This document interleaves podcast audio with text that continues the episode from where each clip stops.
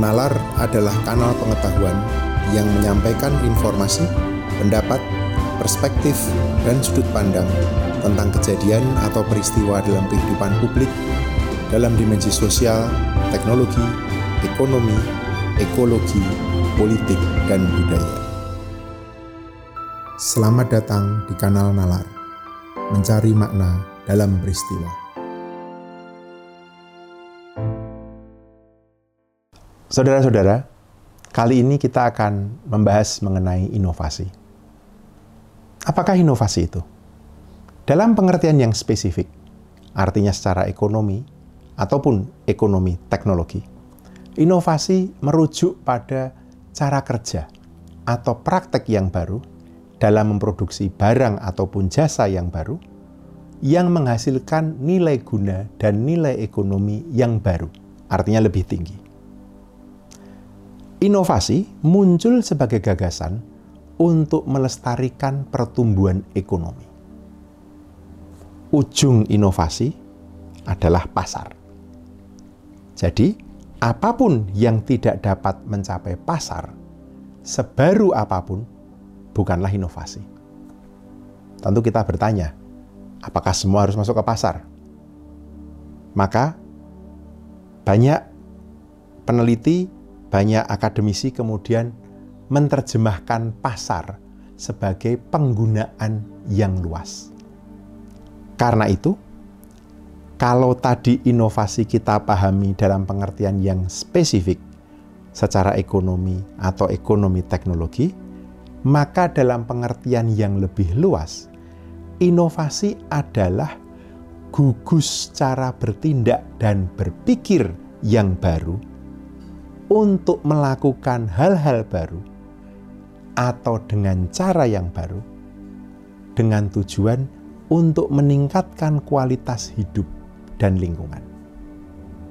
Menurut Schumpeter, Schumpeter adalah seorang ekonom dari Austria. Semua orang yang bicara tentang inovasi, suka atau tidak suka, mau tidak mau pasti merujuk Schumpeter. Karena Schumpeterlah yang meletakkan dasar memahami inovasi. Menurut Schumpeter, kreativitas dan inovasi inilah yang akan memantik revolusi ekonomi. Ia menyebutnya sebagai creative destruction, destruksi kreatif. Kata Schumpeter, bahwa kreativitas dan inovasilah yang akan mengubah struktur ekonomi dari dalam, menghancurkan model yang lama, dan menciptakan model ekonomi yang baru. Dengan kata lain, yang menciptakan nilai baru adalah kreativitas. Nah, karena ciri ekonomi kontemporer adalah peningkatan kesejahteraan konsumen, maka produk dan jasa yang memiliki sedikit nilai bagi kesejahteraan konsumen atau yang tidak memberikan servis yang menguntungkan konsumen dalam jangka panjang maupun jangka pendek, ia akan punah. Di sinilah mengapa kreativitas dan inovasi itu penting. Sekali lagi, karena ciri ekonomi adalah peningkatan kesejahteraan, maka inovasi membantu pelaku ekonomi pencipta produk dan jasa agar menambah nilai bagi kesejahteraan konsumen, agar dia tidak punah. Apa yang akan merevolusi ekonomi dunia? Tahun 1934, Schumpeter membedakan lima tipe inovasi. Satu, produk baru. Dua, metode produksi yang baru. Ketiga, sumber bahan baku yang baru. Keempat, eksploitasi pasar yang baru. Dan yang kelima, cara bisnis yang baru. Kelima tipe inovasi ini dapat dilakukan oleh pemilik bisnis, oleh siapa pun sebenarnya, untuk melakukan transformasi pada bisnis, pada usaha, pada organisasi, agar menjadi lebih dinamis dan lebih mungkin untuk bertahan. Bagaimana kita mengklasifikasikan inovasi? Ada banyak, tapi saya akan berfokus pada pembedaan sederhana berikut ini. Pertama, inovasi produk dan proses. Produk ini artinya barang dan jasa. Inovasi produk adalah inovasi yang berfokus pada perubahan pada produknya. Ada dua. Satu, perbaikan pada kinerja produknya. Misalnya, peningkatan resolusi kamera digital. Hampir semua dari kita menggunakan kamera digital. Makin hari, resolusinya makin tajam, ya kan? Itu adalah perbaikan pada kinerja produk. Dua, fitur baru pada produk. Contohnya, dual kamera pada handphone yang sebelumnya tidak ada. Yang kedua adalah inovasi proses. Inovasi proses adalah perbaikan pada proses pembuatan produk. Ini mencakup aktivitas rantai nilai, value chain, logistik, manufaktur. Contohnya, misalnya penggunaan instant demand data untuk merencanakan proses produksi. Ini bisa mengurangi inventory atau penyimpanan dan menurunkan kemungkinan kelebihan produksi. Jadi, ini adalah klasifikasi inovasi menurut inovasi produk atau inovasi proses. Saya mau menambahkan sedikit mengenai jasa atau service di sini. Karena inovasi jasa atau service innovation itu sedikit berbeda. Inovasi jasa itu berdasar kebanyakan pada metode atau cara kerja yang sistematis. Dalam jasa, inovasi itu tidak serta-merta terkait dengan kebaruan teknologi, tetapi pada faktor-faktor non-teknologis. Klasifikasi yang kedua adalah antara inovasi yang bersifat gradual, bertahap, inkremental gitu, dengan yang radikal. Inovasi yang gradual, yang inkremental, adalah perbaikan yang terjadi setahap demi setahap untuk menambah nilai atau kegunaan produk barang dan jasa. Contohnya, silet. Terutama Anda kaum laki-laki, perempuan juga menggunakan. Silet itu dulu dimulai dengan satu blade, satu pisau. Sekarang sudah berkembang, dua, tiga, empat. Contoh lain dari tanah air, tanpa maksud saya mengindors merek, tapi contohnya kapal api yang bertahap perbaikannya, menambah nilai kegunaan. Dari kopi, lalu punya produk permen. Tol angin juga begitu. Dari obat minum, punya permen, punya produk yang lain. Atau fix. Itu contoh dari inovasi yang bersifat gradual atau incremental. Lawannya adalah inovasi yang bersifat radikal. Ini dampaknya jangka panjang, punya sifat melenyapkan produk yang saat ini ada dan mengubah relasi konsumen, supplier, bahkan memunculkan produk baru. Contohnya adalah iPhone. iPhone adalah telepon genggam yang menggunakan prosesor komputer, menggunakan kekuatan komputer. Bukan hanya menambah fitur, tetapi sekaligus kekuatan komputer itu prosesornya digunakan, dimasukkan ke dalam mobile phone. Sehingga kekuatan atau kemampuan mobile phone itu menjadi setara dengan komputer. Artinya, dengan telepon genggam, kita bisa melakukan banyak hal yang sebelumnya tidak bisa.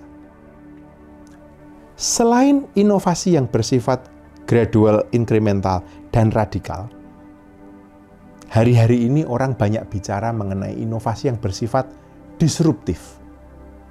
Apa artinya? Inovasi yang disruptif itu sebenarnya lebih pada upaya agar produk dan jasa itu menjadi lebih bisa diakses, lebih murah, lebih tersedia bagi banyak orang. Tetapi implikasinya, dia mengubah model bisnis. Contohnya, Netflix. Netflix itu awalnya dulu adalah perusahaan penyewaan DVD. Kemudian dia berkembang mengubah model bisnisnya menggunakan internet, platform internet ini untuk menyewakan dalam tanda petik film. Dulu pesaingnya namanya Blockbuster melihat sebelah mata dan merasa tidak akan tersaingi. Sekarang kita lihat sendiri di mana Netflix, di mana Blockbuster. Ini mengubah model bisnis dan diikuti oleh yang lain. Kita tahu ada HBO Go, kita tahu ada Amazon Review dan lain-lain. Nah, apa kaitan inovasi dengan hidup kita? Karena inovasi itu pada hakikatnya menyangkut pembaruan. Dan hidup selalu dalam pembaruan. Maka memahami inovasi dan melakukan inovasi ini penting. Bukan terutama demi inovasinya, tetapi karena ia bagian dari proses evolusi hidup itu sendiri. Setiap orang memiliki daya membarui setiap orang punya kemampuan daya ber atau menginovasi. Karena sebagai pengetahuan yang bersifat tasit, artinya pengetahuan yang sudah membadan. Inovasi itu inherent, ada di dalam diri masing-masing orang. Tetapi apakah dikelola atau tidak, itu soal lain Kepemimpinan yang berhasil biasanya dicirikan dengan kemampuan membarui dirinya, karyanya, dan daya-daya orang yang dipimpinnya. Satu hal penting yang ingin saya sampaikan di sini adalah bahwa inovasi itu tidak bisa dipaksa, apalagi dijadwalkan. Yang bisa kita lakukan adalah menyiapkan lingkungan agar inovasi itu muncul ini kaitannya dengan kepemimpinan tadi.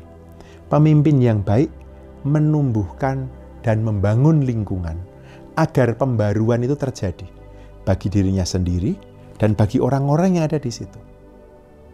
Mengapa pemahaman tadi penting? Karena ada dua faktor yang secara luas kita kenal dalam daya inovasi. Yang pertama adalah kreativitas. Kreativitas ini given dari Tuhan sudah ada sejak di sana. Yang kedua, lingkungan. Nah, yang lingkungan ini bisa dikonstruksi, bisa diatur. Dan dari berbagai penelitian, dari berbagai literatur, yang lebih menentukan keberhasilan kolektif justru adalah yang kedua. Ini mengapa tadi saya bilang bahwa Sementara inovasi itu tidak bisa kita atur, tidak bisa kita paksa, yang bisa kita lakukan adalah menciptakan lingkungan di mana inovasi ini bisa muncul, bisa tumbuh.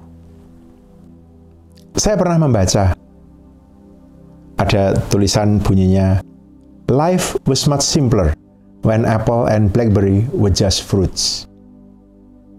Hidup dulu lebih sederhana ketika Apple dan BlackBerry itu artinya hanyalah buah. Apa maknanya? Zaman berubah jauh lebih cepat daripada yang bisa kita mengerti dan kita pahami. Maka, memahami apa itu inovasi dan bagaimana ia bekerja, membantu kita mengerti dan memahami perubahan zaman ini. Karena yang lebih cepat, lebih baru, lebih modern, barangkali bukanlah selalu yang paling kita butuhkan. Karena itu, inovasi juga menyangkut perkara-perkara pribadi atau personal, dan sekaligus perkara-perkara institusional atau kolektif. Inovasi personal punya tiga dimensi. Dimensi pertama, pembaruan kapasitas pribadi dalam berpikir dan bertindak. Nomor satu. Nomor dua, agar mampu menangkap gejala-gejala baru meskipun lemah atau mempunyai cara baru dalam menangkap gejala-gejala lama.